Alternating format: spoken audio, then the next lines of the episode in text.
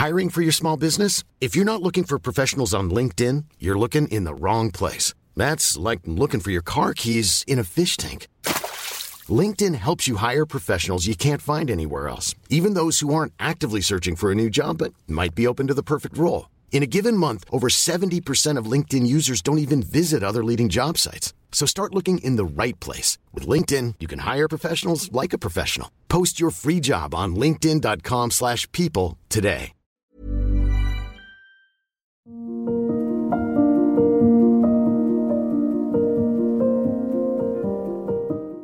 Hei sann, folkens, og velkommen til den første episoden av Det perfekte offeret.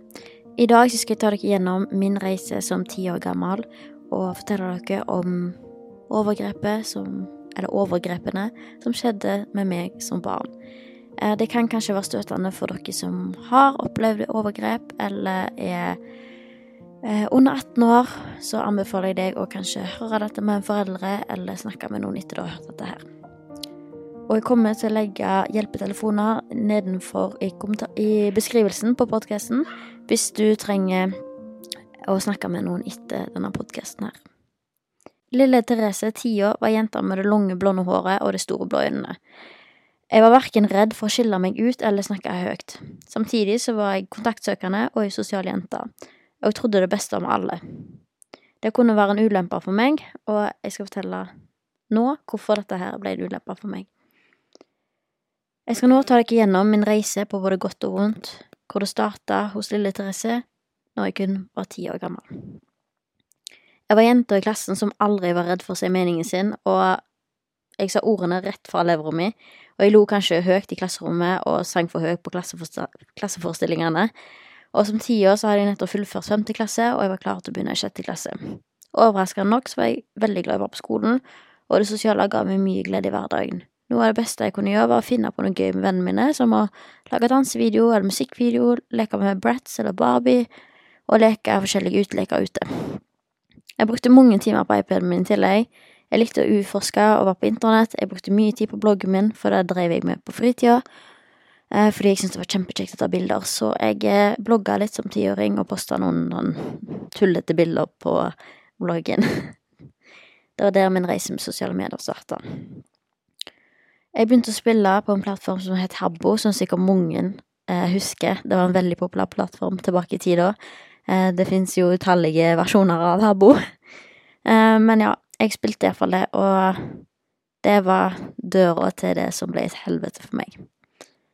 Habbo var et spill det var enkelt å komme i kontakt med andre mennesker, og jeg hadde fått mange venner gjennom Habbo, og flere av disse snakka jeg med på fritida. På Habbo kunne man snakke privatchat med andre, og man kunne snakke til hele rommet som var inni med figuren vår. En dag kom vi i kontakt med ei jente, og vi begynte smått å snakke om sammen og la hverandre til som venn på Habbo. Etter hvert så fikk jeg spørsmål om jeg kunne legge henne til på Skype. Dette var det vi brukte etter MSN, for dere som husker det. Alle på min alder brukte da Skype. Og dette var populært å bruke som chatteplattform, i tillegg til at vi kunne ha videosamtale. Til slutt så manna jeg meg opp til å faktisk legge til denne jenta på Skype, og jeg visste jo ikke hva konsekvensen av dette her ville bli. Samtalene våre helt i starten var veldig normale. Det kunne være alfa, hei, hva gjør du, eh, hva liker du å gjøre, hva er favorittmaten din, altså veldig normale spørsmål som du ikke setter spørsmålstegn bak. Det snudde brått over til mer intime ting. Eh, hun snakka om sexlivet sitt, hun spurte meg om mitt sexliv, og jeg var kun ti år. Hun spurte meg om jeg hadde hatt jentesex, om jeg likte oralsex på jenter. Og samtidig så likte hun hva Nei, samtidig så fortalte hun meg hva preferansene hennes var, og hva hun likte. Jeg ble veldig ukomfortabel, fordi at det, som tiåring så hadde jeg ingen språk på dette her, jeg visste ingenting. Jeg visste ikke hva dette dreide seg om, samtidig som at det, som barn så blir du litt nysgjerrig. Fordi dette er jo det alle sier æsj til på barneskolen, men som, samtidig som du har lyst til å vite. Fordi du ikke vet noe om dette her. Og barn er naturligvis nysgjerrige på ting. Jeg ble veldig ukomfortabel, og jeg følte meg ikke tilpass i situasjonen, for jeg var tross alt ti år. Hun ville egentlig møte meg, men det skjedde, skjedde heldigvis aldri, fordi når det kom til det punktet så bytta jeg tema. Jeg snakka om noe annet, eller jeg unngikk situasjonen.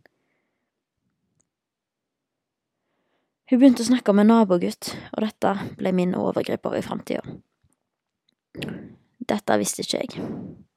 Jeg hadde ingen anelse om, jeg visste ikke hva konsekvensene ville bli. Hun skrøt av fyren, opp i skyene, fortalte meg hvor vakker han var, hvor snill han var, hvor god han var. Sendte meg bilder av han, snakket om han, og det endte til slutt med at jeg sendte venneforespørsel til Martin. Det tok litt tid før han plutselig sendte hei og hadde godtatt venneforespørselen min. Jeg pynta litt til profilen min fordi jeg så faktisk ut som en drittunge, og jeg ønska jo faktisk å se litt fin ut. Og helt i starten så snakka meg og Martin helt normalt. Han kunne spørre meg om hva jeg likte, spørre meg om skolen, fritidsaktiviteter, hjelpe meg med lekser, spørre om familien min og mye mer. Til slutt visste Martin plutselig alt om meg. En kveld fikk jeg et varsel på den rosa iPaden min. Martin ringer deg. Og den teite Skype-lyden som ringer, som dere husker, den kommer jeg aldri til å glemme.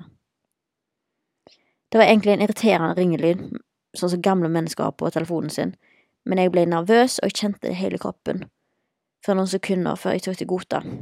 Jeg hørte Martin sa hei. Gikk alt nervøsiteten min bort, og det var som om vi hadde snakka hundre ganger tidligere. Det var som om jeg ikke hadde gjort noe annet enn å ha hørt stemmen hans tidligere. Vi snakka ikke så lenge før han begynte å synge bæ lille land til meg, en skikkelig barnesang. Mamma sang den til meg da jeg gikk i barnehagen. Han sang den, og det gikk veldig fort, og det tok ikke lang tid etterpå før vi la på, og det virka som om han ikke ville snakke så lenge, og jeg kunne sittet hele natten og snakka med han og det var opp til meg. Det var godt å høre stemmen hans, og jeg fikk enda mer tillit til han. Det var noe som gjorde gjorde med meg at jeg fikk en følelse at han var mer ekte. Han var ikke lenger bare en tilfeldig gutt jeg snakka med lenger, og dette var bare starten på forholdet vårt. Hva visste jeg om Martin? Ingenting. Jeg visste noen ting om hvordan han så ut, eller var dette fake? Jeg visste hvor han bodde, eller var dette fake? Jeg visste at han likte å ta en joggetur om morgenen, eller var dette oppfinn? Han sa han var 19, var det ekte? Etter hvert som forholdet vårt utvikla seg, mer og mer, ble jeg mer og mer betatt av Martin. Han var min verden. Noen har kanskje opplevd å være avhengig av røyk, snus eller andre ting. Jeg var avhengig av Martin. Hver gang jeg kom hjem, var det samtaler i timevis, videochatter, bilder og lister går. Jeg brukte timer, minutter og sekunder på han. Jeg har brukt så mange timer av livet mitt på han. Kun for å bli sann. Vi elska hverandre, ikke, ikke, på den måten som jeg trodde, men jeg elska han. Martin betydde alt for meg på den tida. Det var som jeg var fanga, og jeg kom meg ikke vekk. Nesten som en slags demon som prøvde å holde meg igjen. Tanken på å miste Martin og ikke få den bekreftelsen han gjorde, ga meg, gjorde meg kvalm. Han fikk meg til å føle meg så bra, om ikke elska. For en person utenfor så ville vil dette nok virke helt surrealistisk, men det føltes sånn ut for meg. Og sånn er verden. Barn er nysgjerrige og søker spenning, samtidig som de lærer hva som er rett og galt, og jeg var bare ti år, og jeg visste ikke hva rett og galt var. Det tok ikke lang tid før jeg begynte å bli mer trygg på han. Martin var flink til å betrygge meg, og fikk meg til å stole på han. Samtalen våre begynte å utvikle seg til bilder. Han sendte alltid først et bilde av ereksjon. Jeg sendte tilbake bilder av kroppen min som han ønska seg. Det starta med enkle bilder hvor jeg prøvde å skjule meg, og da spurte han alltid skulle han ikke få se mer. Når det gjaldt Martin, så turte jeg ikke si noe annet enn ja. På barneskolen så gikk jeg på fotball hver eneste uke, og dette visste Martin. Han visste når jeg var der, og når jeg kom hjem. Fotballen var et fristed for meg. Her kunne jeg være Therese. Jeg kunne være ti år. Jeg kunne leke med vennene mine. Jeg kunne være den jeg ville. Mamma og pappa henta meg alltid etter på trening, og de var ofte forsinka. Og det de ikke visste, var at hvert minutt holdt meg borte for det forferdelige du skal høre. Vi hadde en hulleseksjon rett foran dusjen, og her satte jeg iPoden til søstera mi på hylla, og Martin ringer på videosamtale. Det var kun jeg som hadde på kamera, og ikke han. Martin skrev kommentarer til meg underveis mens jeg dusja, og dette kunne være kommentarer som ta på deg sjøl, snu deg, smør deg under såpa, få se litt mer, da. Jeg fulgte det, jeg fulgte ordren hans. Dusjeepisodene ble gjentatt hver eneste uke etter fotballtrening, Fotballen var ikke lenger et fristed for meg. Det ble en mellomstasjon for hva, for hva jeg visste jeg kom hjem til etterpå. Jeg visste hva Martin kom til å etterspørre mens jeg spiste den forbanna pasta carbonaraen med kjøkkenbordet. Av og til skulle jeg ønske at mamma og pappa bare kunne sjekke den forbaska iPaden min for å se hva som foregikk og stoppe det. Jeg klarte det ikke, og jeg hadde heller ikke klart dette sjøl. Tenk hvis en dag de bare hadde sett hva som egentlig gikk bak det rosa silikondekselet på iPaden min. Hadde det vært annerledes da? Samtidig som jeg skulle bare ønske at noen så meg, og så at noen var gale. Jeg følte meg ganske fortapt. Jeg gikk konstant med følelsen av at jeg gjorde noe ulovlig, Tenk at jeg som tiåring skal gå rundt og trodde jeg gjorde noe alvorlig. Tanken slo meg ikke at Martin gjorde noe som var ulovlig. Men jeg trodde derimot at det var jeg som gjorde noe ulovlig. Tenk å ha det ansvaret på deg som barn. Det er et ansvar ingen barn skal ha. Det som er trist, er at jeg ikke kunne ha lenger Det som er trist, er at jeg ikke lenger kunne ha fotballen som et fristed. Det var ikke noe jeg gleda meg til lenger, selv om vennene mine på trening fikk meg til å smile og le, vi kunne ha forskjellige leker, og jeg kunne irritere meg over fotballtreneren og, og, Jeg kunne irritere meg over fotballtreneren som var så streng. Visste jeg, til slutt, når jeg kom hjem, at det som venta på meg, var å dusje for Martin. Og hvem vet?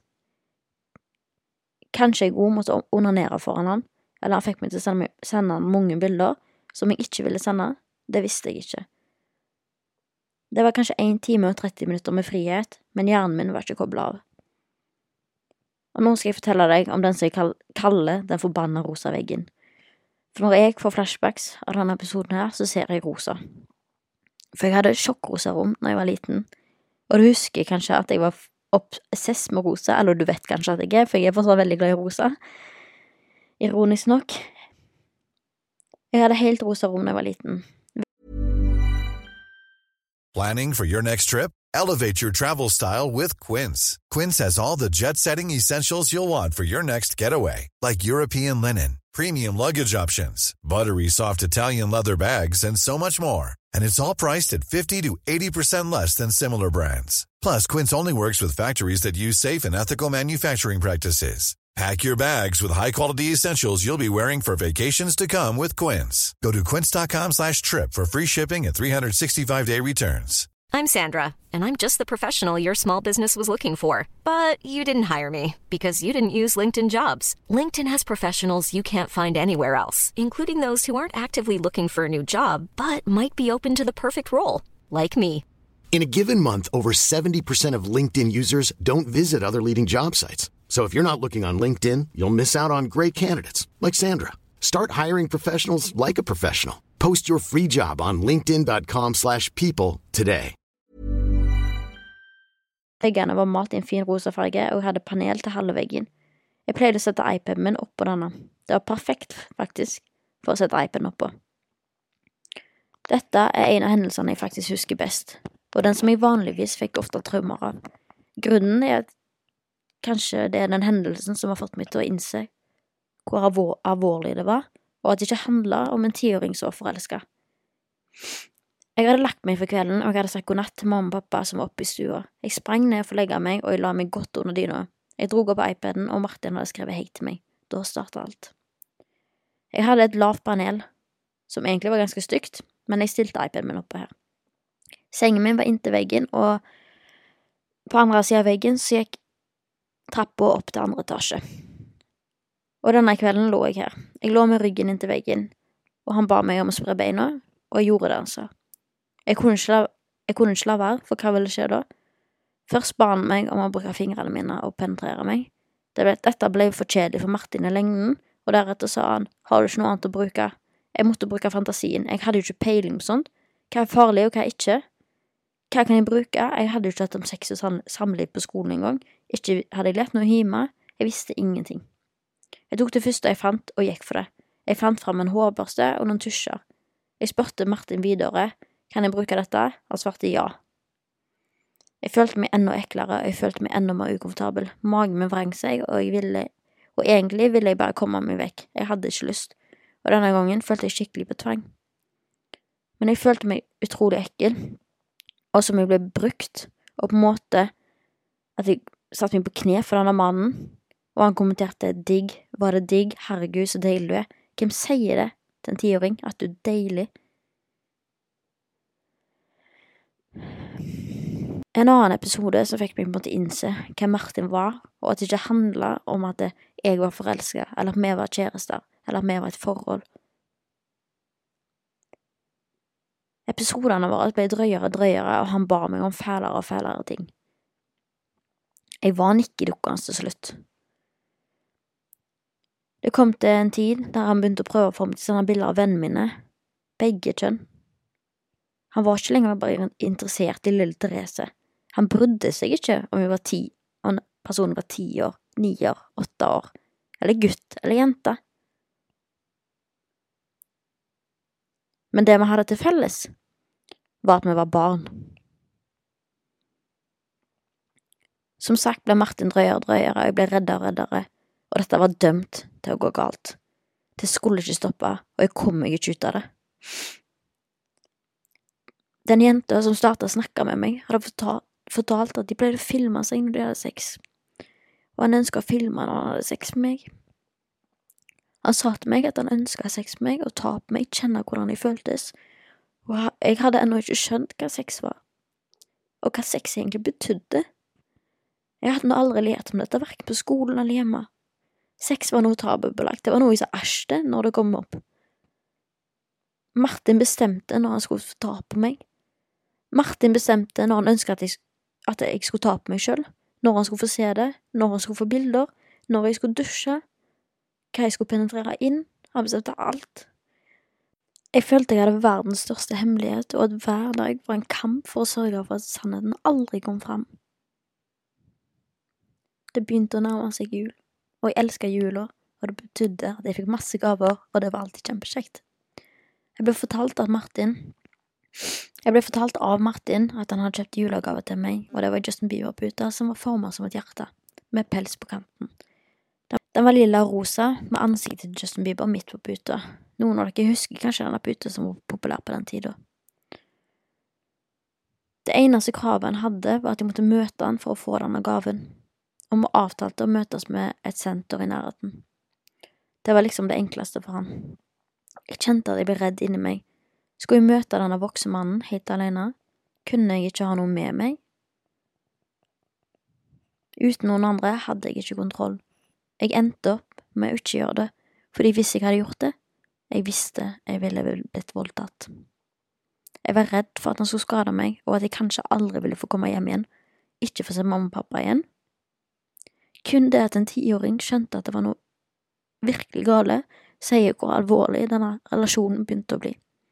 Var ikke, det var ikke lenger en fantasiverden hvor jeg var nysgjerrig lenger, for jeg ble reddere og reddere, og jeg skjønte at det er noe som ikke var riktig. Og det, sånn, det var ikke sånn kjærester som de andre hadde i klassen. Flere i klassen hadde jo kjæreste, men ingen visste om min ordentlige kjæreste. Eller som jeg trodde, iallfall. Martin var ikke noen ordentlig kjæreste.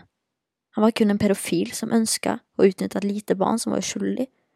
Urettferdig nok var jeg offeret hans. Det perfekte offer. Jeg begynte å bli paranoid. Inni hodet mitt kunne jeg lage de sykeste tankene. Disse tankene kunne oppstå på vanlige plasser hvor det var vanlige folk, som for eksempel på en dagligvarebutikk. Jeg lagde meg tanker om at det 100% kunne være han. Jeg analyserte hver eneste person rundt meg og jeg kunne søke etter Martin, og det føltes som om jeg levde i et mareritt. For jeg følte meg ikke trygg lenger. Han visste jo hvor jeg bodde, han visste hvor jeg gikk på fotballtrening, når jeg var på fotballtrening, han visste hva skole jeg gikk på, han visste alt. Jeg prøvde å gjøre livet mitt mer normalt ved ikke tenke på hva som hadde skjedd tidligere. Jeg måtte lære meg å glemme hva som hadde skjedd, fordi jeg ikke lenger kunne tenke på det. Det tok så mye energi. Medbrakte triste følelser, jeg måtte lære meg å skru av følelsene og bare leve videre.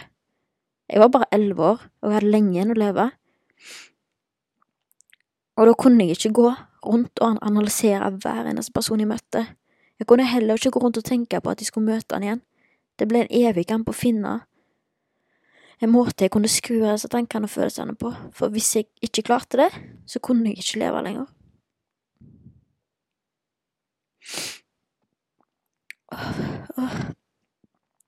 Det var kvelder hvor jeg gråt meg selv i søvn, for jeg hadde så stor skam og anger. Dessverre så kunne jeg ikke endre på det som hadde skjedd, uansett hvor hardt jeg prøvde. Jeg følte meg ekkel, jeg var ikke verdt noe, fordi jeg rett og slett bare var ekkel. Jeg kunne føle meg så ekkel noen ganger at jeg måtte ta en ekstra dusj. Det ville kanskje hjelpe. En ekstra dusj kunne kanskje få meg til å føle meg bedre og litt renere. Og det føltes som om jeg var dekka i møkk og skitten etter en tur i gjørma. Jeg skrubba meg til huden min ble rød, men det gikk allikevel ikke bort. Jeg kunne bruke lang tid i dusjen, helt til jeg følte meg ren nok. Huden min var kanskje sår og vond, men det brydde meg lite om, fordi jeg ville bare føle meg ren.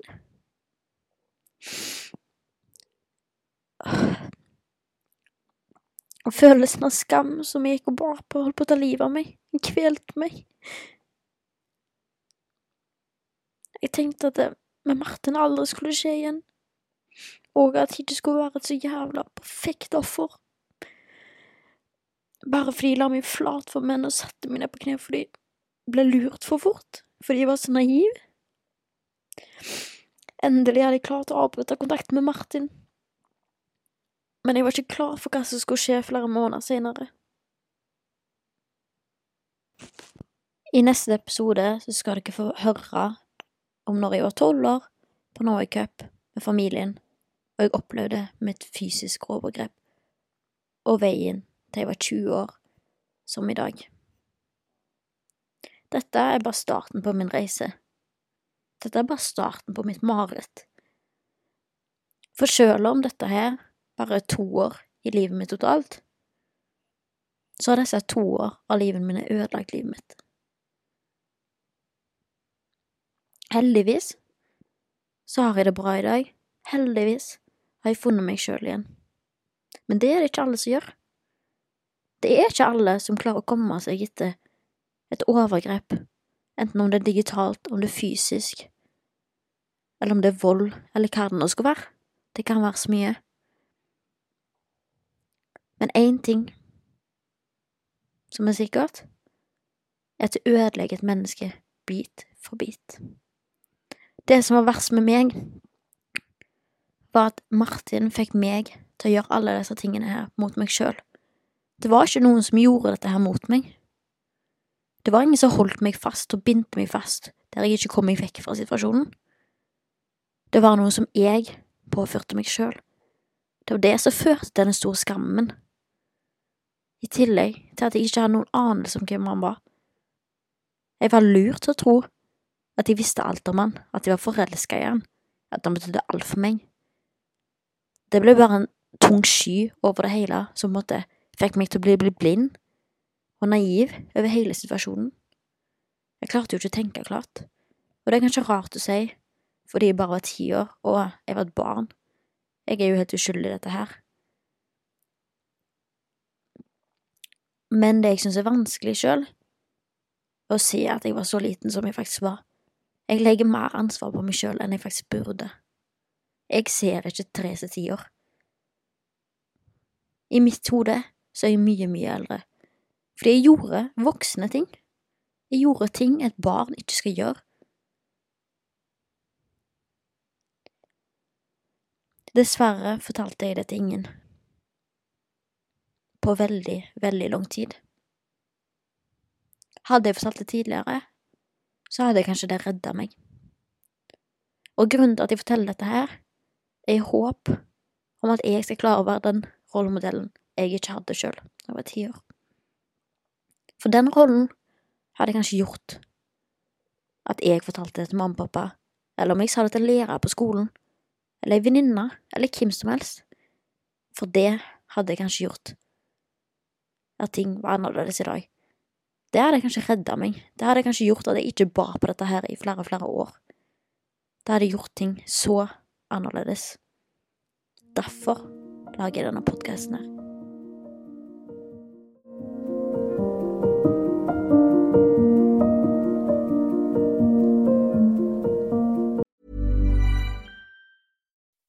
When you make decisions for your company, you look for the no brainers. If you have a lot of mailing to do, stamps.com is the ultimate no brainer. Use the Stamps.com mobile app to mail everything you need to keep your business running with up to 89% off USPS and UPS. Make the same no brainer decision as over 1 million other businesses with Stamps.com. Use code PROGRAM for a special offer. That's Stamps.com code PROGRAM.